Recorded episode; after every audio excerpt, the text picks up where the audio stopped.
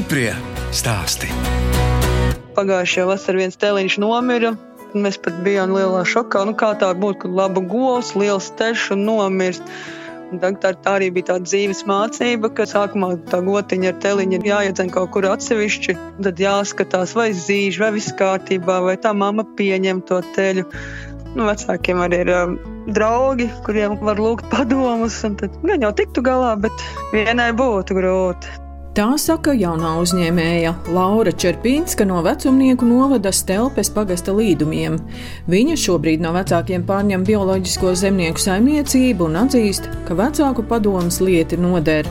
Lauras ģimene apsaimnieko 70 hektārus zemes Stelpes pagastā un attīsta vairākas nozares. Saimniecībā ir 26 gaļas lielopi, 110 vistas un gandrīz 200 aitas.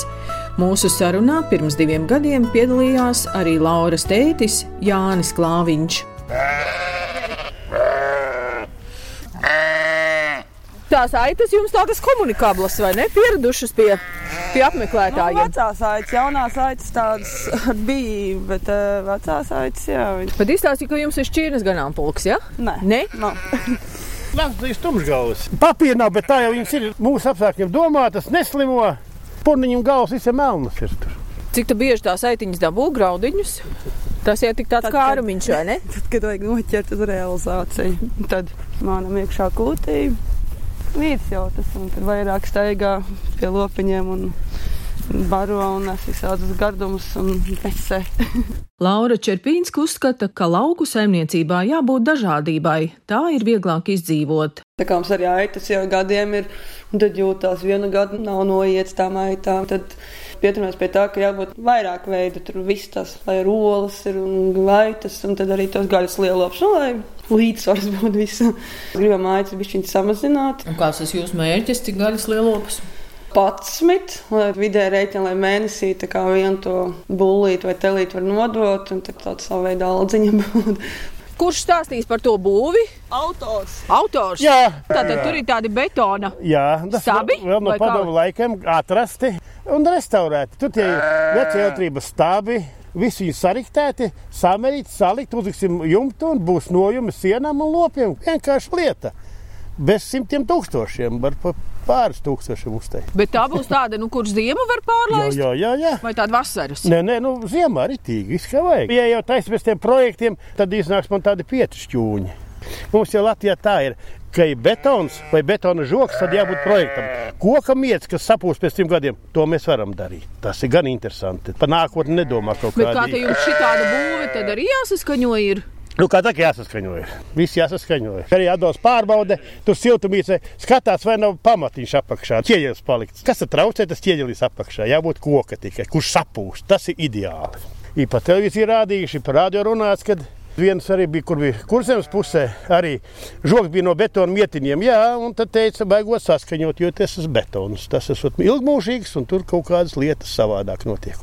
Kad zvanu Laurai, vispirms apvaicājos par lielopu kūts būvniecību. Izrādās, kūts ir veiksmīgi pabeigta. Tā ir gan kūts, gan siena rulo novietne, lai sienas glabātos zem jumta, nevis uz lauka, jo tomēr tam sienam ir zudums, ja viņš ir no lauka nācis. Un tad otrā pusē manas jaunie iepirktās teles dzīvojās. Vēl ārā viņas nelaižu, jo man viņas ir jāpierada, jo viņas ir nākušas no lieliem ganāmpulkiem, viņas ir tādas bailīgas. Un eh, šobrīd ar miltiņiem, ar maizīt āboliem, es tās teles radinu. Uz kūts ir, tad arī ļoti atvieglo darbu, ka var iebraukt ar traktoru tehniku, gan barošanu, gan mēslu izvešanu. Vairs nav roku darbs, kā tas bija kādreiz. Daudz tās aitas ir, un vecajā kūtī viss no rīta un vakarā rokām barot ir pagrūti, un tad gan kūtī, gan ārā. Tā es staigā. Arī iegādājāmies barotavas ārā līdz dzemdēšanai, kad jau ir jāra paaugšies, lai mēs varam aitas barot ārā, tas ir ar traktoru ieliek rulons barotavā, lai nav roku darbs, jo tomēr ir 83 aitu mātes ir, un jāri bišķi simtam pāri. Vēl ir kas vēl dzemdēs, bet vairums jau ir sadzemdējušas, ir pirms mēneša sagaidījām saimniecībā tūkstošo jēru. Tāds liels notikums, kad jau ir saimniecībā piedzimuši tūkstoši jēri, tas jau liels skaidrs liekas mums, kā mazai saimniecībai. Vienu brīdi bija doma uz ganāmpulku samazināšanu. Tagad tās domas ir atmestas. Tā niša ir pieprasīta. Šobrīd strādājam, lai ganāmpulkā ieviestu gaļas šķirnes aitas. Nopērkam gaļas šķirnes aunu, lai sanāk piena gaļas šķirnes krustojuma jēri. Lai tie jēri ir gaļīgāki, smagāks dzīvesvars. Kad pie Lauras ciemojos pirms diviem gadiem, viņa bija uzrakstījusi projektu un saņēmusi finansiālu atbalstu kā jaunā uzņēmēja, lai pārņemtu vecāku zemnieku saimniecību un varētu nopirkt gan zemi, gan gaļas lielopus. Ir pieci gadi, man ir jāizpilda visi tie nosacījumi, ko esmu apņēmusies piecu gadu plānā, gan ienākumi un attīstība, lopu skaits. Viss ir sapirkts, tagad tikai ir jādarbojās. Un tāpat tās jau tā paudžu maiņā jau kaut kad būtu jānotiek, un tad tā viss sakrita, ka šis bija labākais variants, kad ar projektu. Tītīgi strādājām, lai projektu realizētu. Pirmais bija zemes iegāde, 9 hektārus nopirku. Jā, tāds ilgs process bija, darījums, kurš daudzos kabinetos bija nonācis, kā jau birokrātisks darījums, bet iegādāts ir tieši blakus mājai noveicās, ka tur īpašnieks bijušais bija ieinteresēts, un, un, un sākumā bija mazāk hektāru, tad mēs vienojāmies, ka tie būs visi 9 hektāri no viņa, nu, lai nav no diviem īpašniekiem jāpērk. Vidē ir 4000 eiro par hektāru, plus mīnus, atkarībā no kāda ir zeme, ir kāds apaugums. Bet baigā izvēle jau nav. Tagad jau ir tā, ka ir jāpērk, kā kāds ir piedāvājums, jo, jo reti kurš tirgo lauksainiecības zemi iegādājos sešas gaļas lielupu telītes, tīršķirnes, bioloģiskas.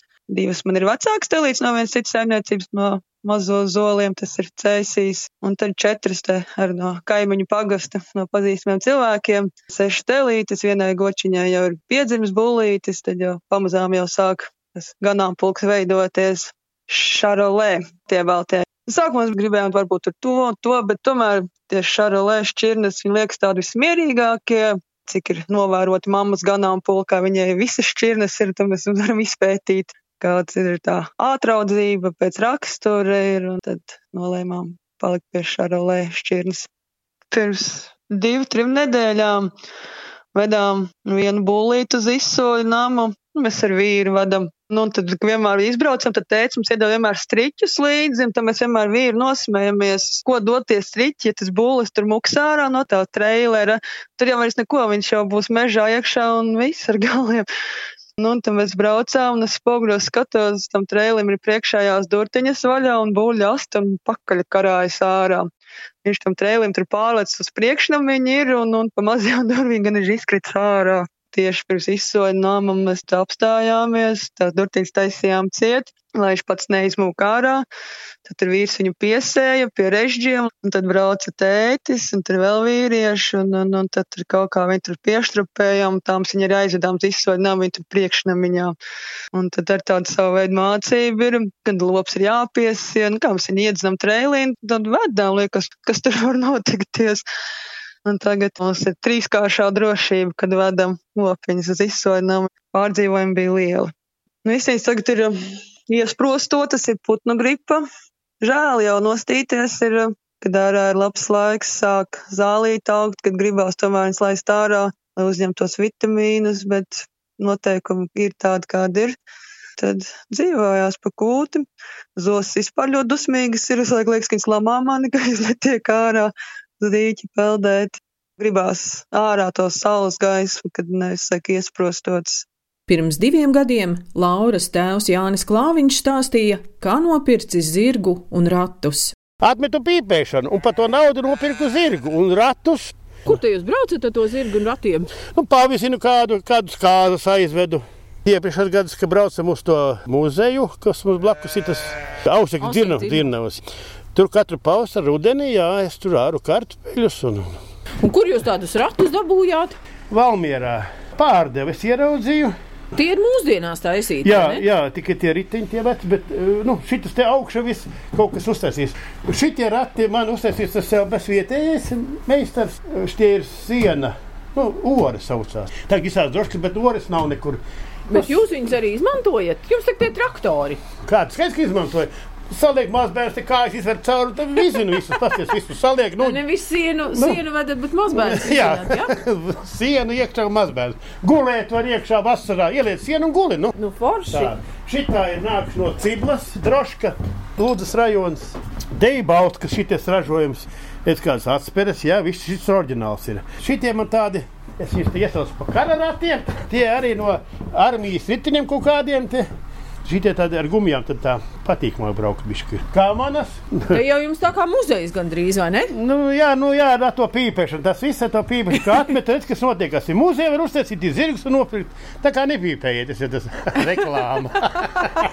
Laura stāsta, ka šoziem tēvs zirgu jūdzis kamanās. Šogad ziemā ļoti noveicās, sniegs bija, ziema bija kārtīga. Tad izvizināja mazbērnus ragavās un, un, un arī pagastu iedzīvotāji. Tad viņam arī tur zvanīja, kad jau interesējās, kurās dienās zirgi tiks iejūgti un lai varētu izvizināt. Protams, bērni jau priecīgi, jo reti kurš jau vispār tādu kaut ko dzīvē izbaudījis ir. Tad cītīgi ar zirgiem, un tad vēl kaut kādus ratus nopērku, un ik pa laikam visu kaut ko papildina. Dīkstā vai nestāv. Ai, man jau lielās runāšanas nepatīk, tur jau tētim labāk patīk, bet tētis ir aizgājis apstīties teritoriju, visus žogus, kas ar laukiem notiek, kāds sastādīt darba plānu, grafiku, kas ar mežiem ir, kas jāpatīra, kas jāpastāda. Vasarā Lauras ģimene nodarbojas ar izbraukuma ēdināšanu, ir savs pārvietojamais uzkodu namiņš, bet šoziem Laura kopā ar mammu strādāja brāļa kafejnīcā vecumniekos. Brālim kafejnīca vecumniekos ir kebabnīca. Savs darbinieks no ģimenes nāca un ceļš sākumā, kamēr visi iestrādā to sistēmu, tad mēs tur māmu iesākām, un tad mēs vēl turpinām. Tagad jāstāsta, kā būs nu, vasarā, sāksies sezona ar darbiem, kā mums tur sanāks visu apvienot, bet tā visu ziemu mēs nostrādājām, papildus ienākumi, prom no mājas, tad cilvēku satikt un aprunāties, kā citiem iet. Tā izbraukuma mēģināšana mums ir vasarā, kad ir āra pasākumi. Iepriekšējo vasaru, jūlijas, augusts, mēs bez brīvdienām. Visi bija sailgojušies pēc pasākumiem. Pasākumi arī bija, ties attiecīgajos laika termiņos, ka līdz 12. varēja. Visu vasaru nostrādājām bez atpūtas. Brīvdienās tirzniecība, darba dienās saimniecība. Tā tā vasara pagāja.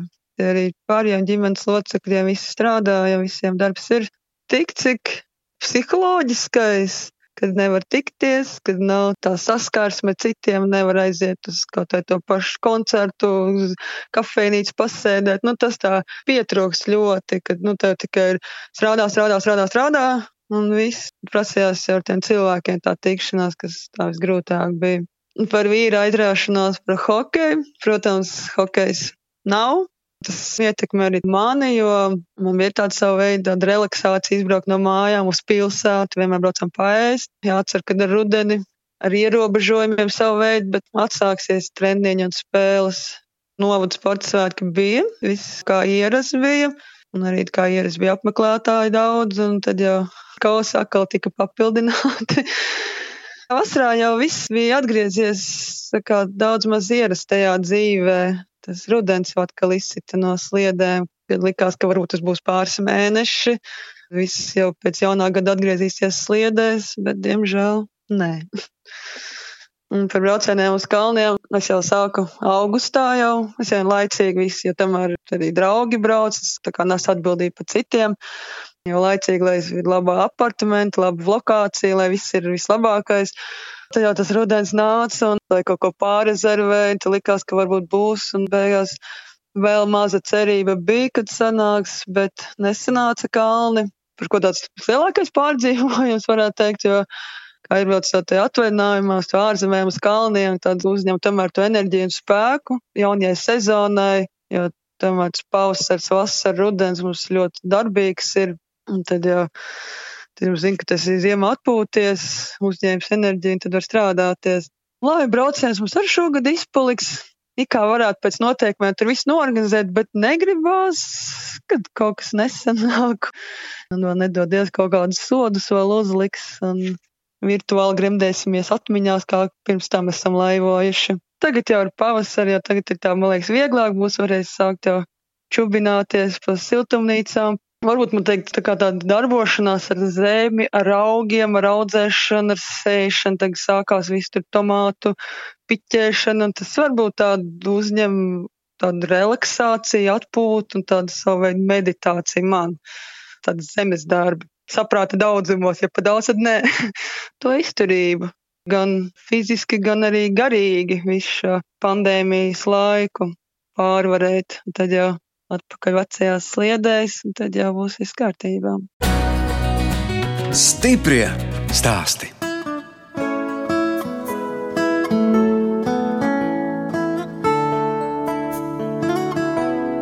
Jūs klausāties raidījumu stipri stāstī. Raidījuma turpinājumā sazināsimies ar Uldi Grosu no Ozolnieku novada Salgales pagasta Bētrām. Pie Ulda un viņa ģimenes ciemojos pirms trīs gadiem, kad Bētrās kopā saimniekoja četras dzimtas paudzes, arī Ulda tēvs Arnolds Gross. Bētrās izveidota kokaudzētava un stādu pārzīmošanas pagrabs turam speciāli vaļā šobrīd, lai viņi atzīstu, lai būtu neliela mīnus grādi, bet nekad nebūs tie mīnus 20 vai vairāk, kad tie sādi varētu tikt bojāt. Mēs pasargājam savu ieguldīto darbu no dabas kaprīzēm. Un stādi ir pierakti, ja? Tātad Tādi saknes ir, pierakti, ir zemē. Saknes zemē, viss ir ūdrā. ūdrā. Iedziemots un, un pie nelieliem mīnus grādiem. Šobrīd, piemēram, nav sasalusi tā kūdra, bet vietām vēl ir, jo te bija tie mīnus grādi, viņi atzīst bet mēs izbēgām no lieliem mīnusiem. Un te ir abelītes, kas vēl te ir? Bumbieres, plūmes, ķiršī, krumcidonijas, ābeļu pocelmi. Visi, kas ir domāti pavasara realizācijai, tiek glabāti, pasargāti no augstuma. Kāpēc jums tas dārsts viss tur ir iežogots, daudz meža zvēri? Nu, protams, ja nebūtu žoga, tad tas viss sen būtu nobradāts un, un, un nograusts. Bez tā jau tāda kokaudzēšana kā tāda nevar notikt, ja mums nav žoks visapkārt. Tas ir vēl, ja nemaldos, breša laika kaut kāda investīcija.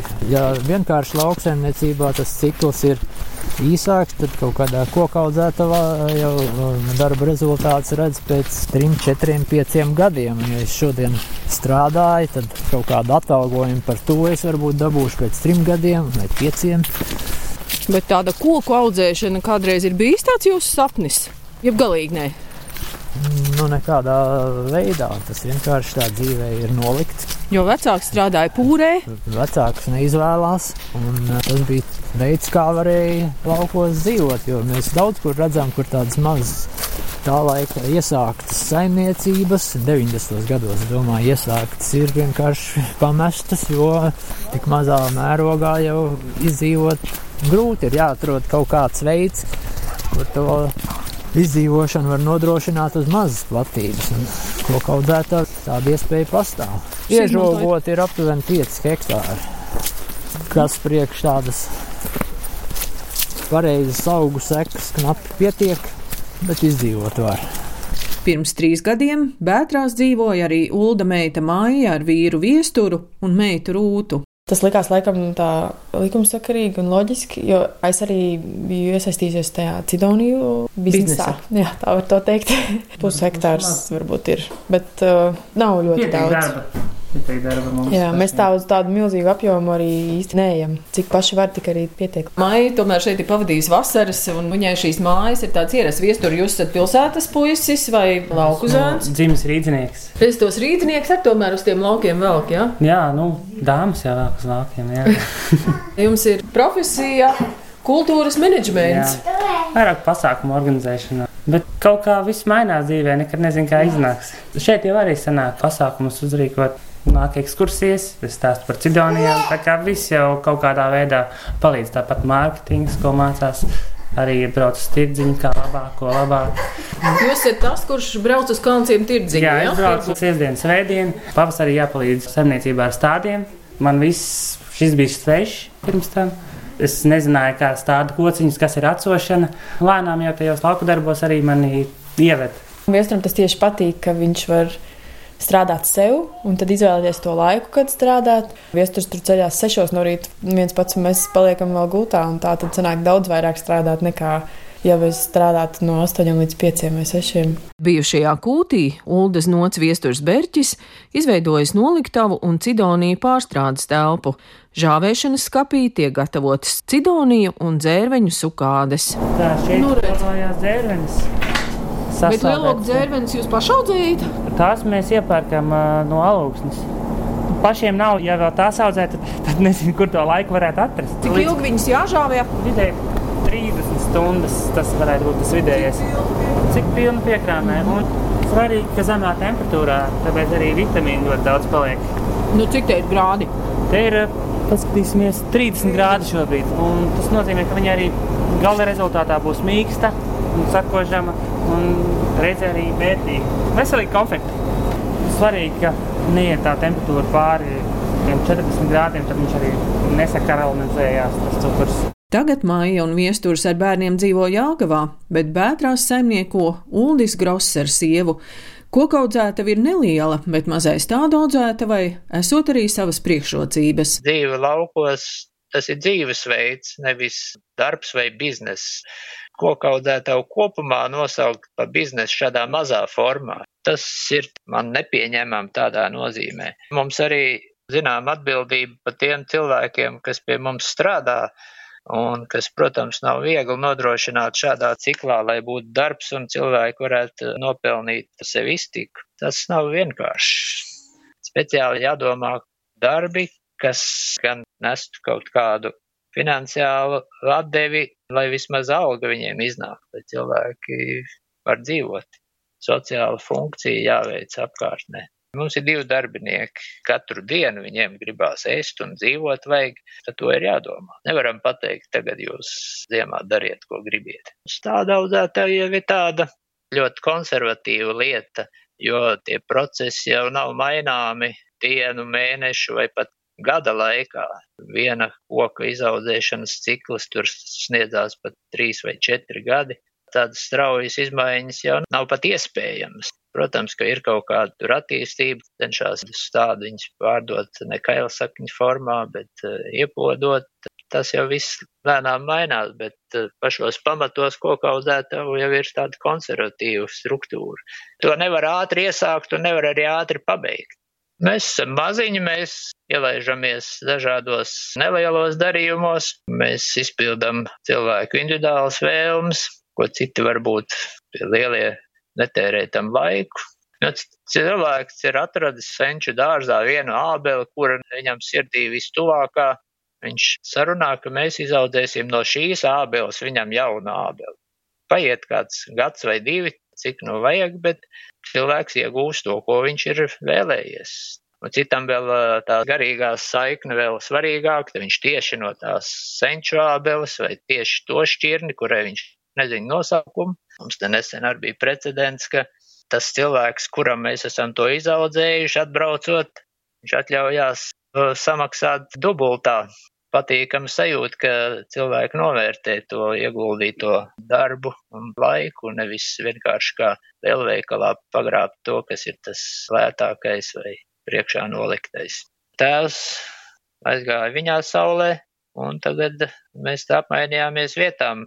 Tagad jaunieši dzīvo Jālgavā, un meita šobrīd vairāk pievēršās otram bērniņam, ir mazdēls augusts, bet tēvs ir iesaistīts šajā pārstrādes lietā un nopelna iztikai. Viņš regulāri ir saucamajā kalnciem tirdziņā, kurš tagad gan lokalizēts Āgens kalnu tirgu, un viss notiek.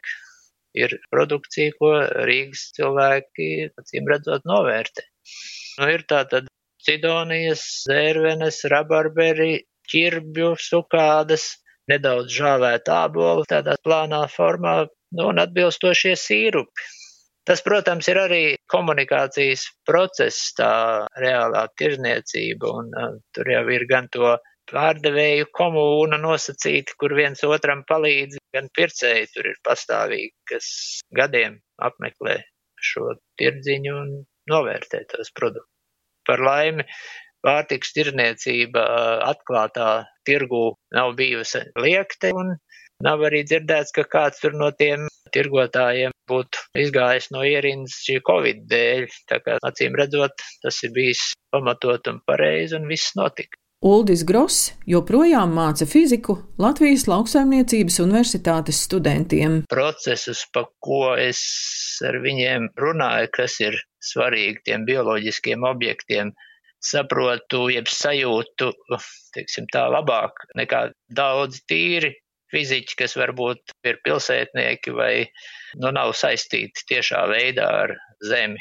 Es nevaru pieļaut, vismaz man tādu latiņu ir uzlikt, ka viņš šos jautājumus nesaprot, jo tad viņš strādā savu zemi, neizprotot tās lietas, kas ar augstu notiek ar ūdeni, piemēram, augstnē un līdzīgas lietas. Ir tā saucamie bioloģiski objekti eksistencē nepieciešami nosacījumi par ūdeni, gāzu apmaiņu, skābekli, siltumu un gaismu. Tie visi nosacījumi, bez kuriem bioloģiski objekti nevar eksistēt. Nu, un tad sākot ar teiksim, kā ūdens augsnē uzvedās kapilārās parādības, kā var ietekmēt mitrumu režīmu, irdinot, kāpēc jāar zeme rudenī, un tādi it kā vienkārši jautājumi, kas seno laiku zemniekam, kurš nosacīt augstās skolās nebija gājis un fizika nebija klausījies, bija zināms no senču tradīcijām un paradumiem. Viņi tā darīja, tāpēc, ka tā darot bija labi bet tagad, kad laiki mainās un reālā darba pārmantojamība jau bieži vien nav, ja studentu vecākiem pieder liela saimniecība, viņš grasās tur, protams, kļūt par kaut kādu lielu vai mazāku priekšnieku, tad es viņiem saku, ka priekšniekam tās lietas jāsaprot vēl labāk, lai tie darbinieki nevar pa viņu smaidīt, ka viņš dod pavēles, kuras nesevišķi vienmēr ir loģisks. Dabā tās lietas kārto spēki, kurus mēs izmainīt jau nevaram. Mēs varam vienkārši strādāt saskaņā ar viņiem un izmantot pareizā loģikā. Tā kā lietas saprotot, tie spēki strādās tā, kā mums, teiksim, ir vēlams. Vaicāju, kādas izmaiņas bez attālinātajām mācībām Grosu ģimenes dzīvē ienesusi Covid pandēmija. Mēs nevaram aizbraukt uz kādiem lieliem pasākumiem vai nevaram aizbraukt kādā ceļojumā, bet šādā saimniekošanas veidā jau bezdarbība nedraud. Darbs, jeb strādāšana jau ir visvienkāršākais veids, kā izvairīties no kaut kādiem kompleksiem psiholoģiskā plānā vai kaut kā tur, ja tur nav ko darīt un četrās sienās. Mums pa ziemu ir darbs mežā, laukā, pietiek ko darīt. Vienīgais atkrita, piemēram, ikgadējais brauciens slēpot uz Alpiem. Mēs te pēdējos gadus esam tā piekopuši, ka tomēr izraujās vienreiz gadā kaut kur prom. Nu, šogad bija jāizbrauc tikai līdz Riekstu kalnam, ko citu var izdarīt. Protams, nevar satikt tādus radiniekus, tā skaitā, kas dzīvo kaut kur tālāk, tādās pizītēs neaizbrauc, nu, cits gadu ar darba dēļ neaizbrauc. Nu, šogad neaizbrauc citu iemeslu dēļ. Klāt ir pavasars un uh, ko līdz augsne kļūst baudāma ar rokām vai darba rīkiem, tad lielai daļai cilvēku rodās arī vēlme to darīt un turpināt uh, atjaunot savus dārzus gan ar augļaugiem, gan krāšņiem augiem. Pa pagājušo gadu runājot, bija jūtams, ka cilvēki, kas ir bijuši aizņemti darbā, vairāk tādi man labi paziņas. Viņi teica, ka tagad viņi dzīvo reāli savos laukos, strādā attālināti, un, protams, ka viņiem ir laiks vairāk aiziet līdz tam dārzam un pamanīt, kas tur notiek. Mēs varam piedāvāt savu palīdzību gan ar padomu, gan ar stādiem.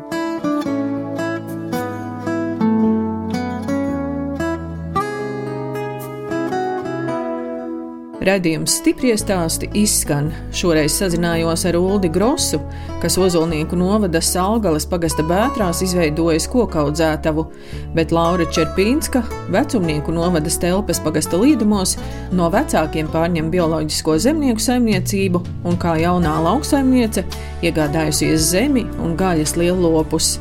No jums atvedās žurnāliste Dāna Zalamane un operātore Inga Bēdele. Uz tikšanos!